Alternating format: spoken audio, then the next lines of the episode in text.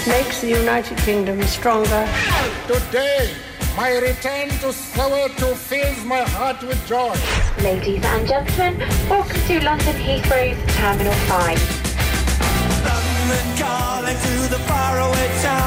Bon dia, John Carlin. Bon dia, Roger Escapa. Com estàs, John? Què tal?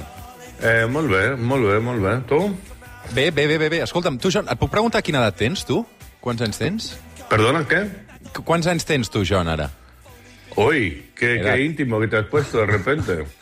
Tengo muchos, seis, seis. 6-6, 6-6. Clar, doncs estàs més o menys, perquè ho dic que uh, avui sé que ens volies parlar de l'edat de jubilació, um, que de tant en tant obre informatius i obre tertúlies. Uh, Sí. Sabem que, evidentment, l'edat de jubilació és motiu de discussió uh, a tot el món, però especialment a Europa, perquè aquí, de moment, ens podem jubilar als 65 anys, però des de fa anys que ja sona el run-run d'estirar-ho fins als 67. I fa pocs Sí. dies ens fixàvem en França, on també van muntar una vaga i un sideral considerable, perquè saps que les protestes a París eh, són lleugerament violentes, perquè Macron els volia ampliar també l'edat de jubilació. En aquell cas, a França és el 62 i la volien ampliar fins al 64. A Sí. tu tot això, amb, amb què et fa pensar, John? Bueno, primero que me parece un tema muy interesante, este, el debate de la edad de la, de la jubilación, em, porque estamos hablando aquí de cuestiones esenciales, de cómo uno ve la vida, cuáles son las prioridades, eh, eh, la economía o el, pasarlo bien, el trabajo o la vida, la, la joya. Eh, la palabra jubilación o jubilación es interesante para mí el sentido de que en, en inglés, en mi otro idioma, em, no se dice, o sea, para, para ese, momento en el que dejas el trabajo no se llama jubilation. Jubilation en inglés significa júbilo, significa juerga, significa felicidad, liberación. Eh, esa palabra no se utiliza en inglés para esta cuestión de dejar el trabajo, mientras que en, en catalán, en castellano, en francés también, eh, se, se asocia dejar el trabajo con un momento de tremenda felicidad, que es un poco diferente a la ética protestante del, del trabajo de, los países em, anglo, como Estados Unidos también, claro. Y me parece muy, muy interesante el- la cuestión porque te obliga a pensar sobre qué es lo importante en la vida. Y ahora mismo, sí, como acabas de decir, es un tema que está en, la- en las bocas de, muchos. Primero, en, Francia, que es muy interesante y, siempre, es- esto ocurre cada X años en Francia, que alguien propone el gobierno subir la edad de la jubilación y salen millones a la calle y el gobierno da marcha atrás. Pero también he estado leyendo varios artículos en la prensa aquí, en La Vanguardia, eh, que en España ha habido encuestas últimamente eh, y el 75% de la población está en contra, en España, de alargar la, edad de la jubilación. El que passa és que, clar, l'esperança de vida, eh, amb excepció la Covid, que, que hem perdut un parell d'anys d'esperança de vida, crec, um, però l'esperança de vida de, de tots nosaltres va creixent, no? Uh, per tant, són molts més anys Sí. en què una persona um, cobra la pensió, i és evident que els números no surten per enlloc. Claro, sí, sí, no, exacto. Yo creo que estas edades de jubilación se decidieron en hace ya muchos años, en otras épocas, cuando la gente eh, vivía menos. Y, y particularmente aquí en, en Cataluña, en España, tenemos una de las longevidades más largas del, del planeta. Pero, eh, no sé, yo tiendo a pensar que, que los franceses eh, aciertan. Al final de cuentas, uno nace, muere, eh, tiene que vivir la vida bien. Y, los franceses dejan de trabajar a los 62, bueno, en muchos casos, antes. O sea, Francia entiendo que es el país que tiene más jubilados eh, de 55 años para arriba de- del mundo. Y la gente en Francia lo suele disfrutar. De repente no trabajan y, van, van de viaje o van a ver museos o hacen cursos eh, escolares, universitarios que no hubieran hecho, les sacan provecho. Y yo creo que eso está bien para la mayoría de la gente. Y casualmente muchos de los que abogan por alargar eh, la edad de la jubilación son gente que tiene trabajos eh, gratos, como, como académicos, como, no sé, banqueros, como, bueno, ministros de gobierno. eh, pero la mayoría de la gente no disfruta de, de su trabajo, como por ejemplo disfruto yo. Y vi una, una sugerencia muy interesante en el Financial Times esta semana, escrita por un amigo mío eh, que se llama Simon Cooper, que, cuyo, cuyo juicio es eh, excelente, porque Simon Cooper escribió hace poco que Barcelona era la ciudad más vivible del mundo. Y este mismo Simon Cooper, columnista del Financial Times, propuso lo siguiente. Escucha, Roger, interesante.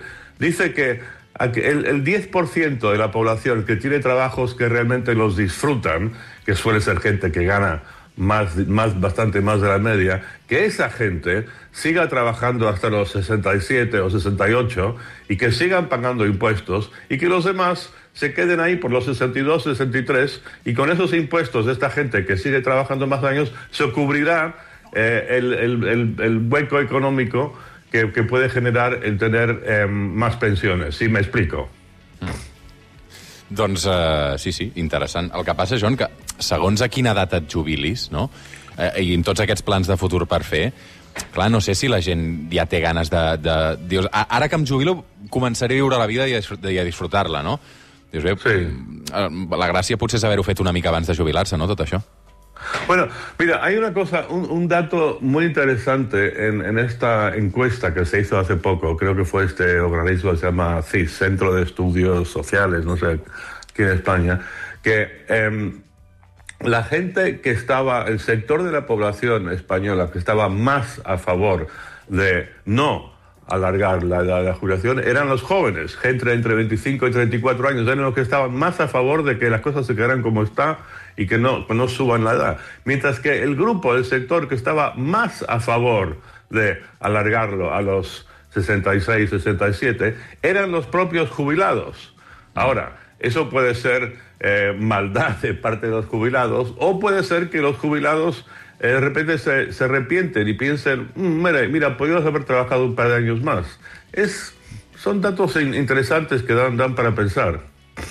També és veritat, com deies, que hi ha oficis en què una persona potser no es vol jubilar mai. Tu ja has pensat en la jubilació? Tu vols deixar d'escriure algun dia? No, yo nunca. O sea, yo, yo con suerte...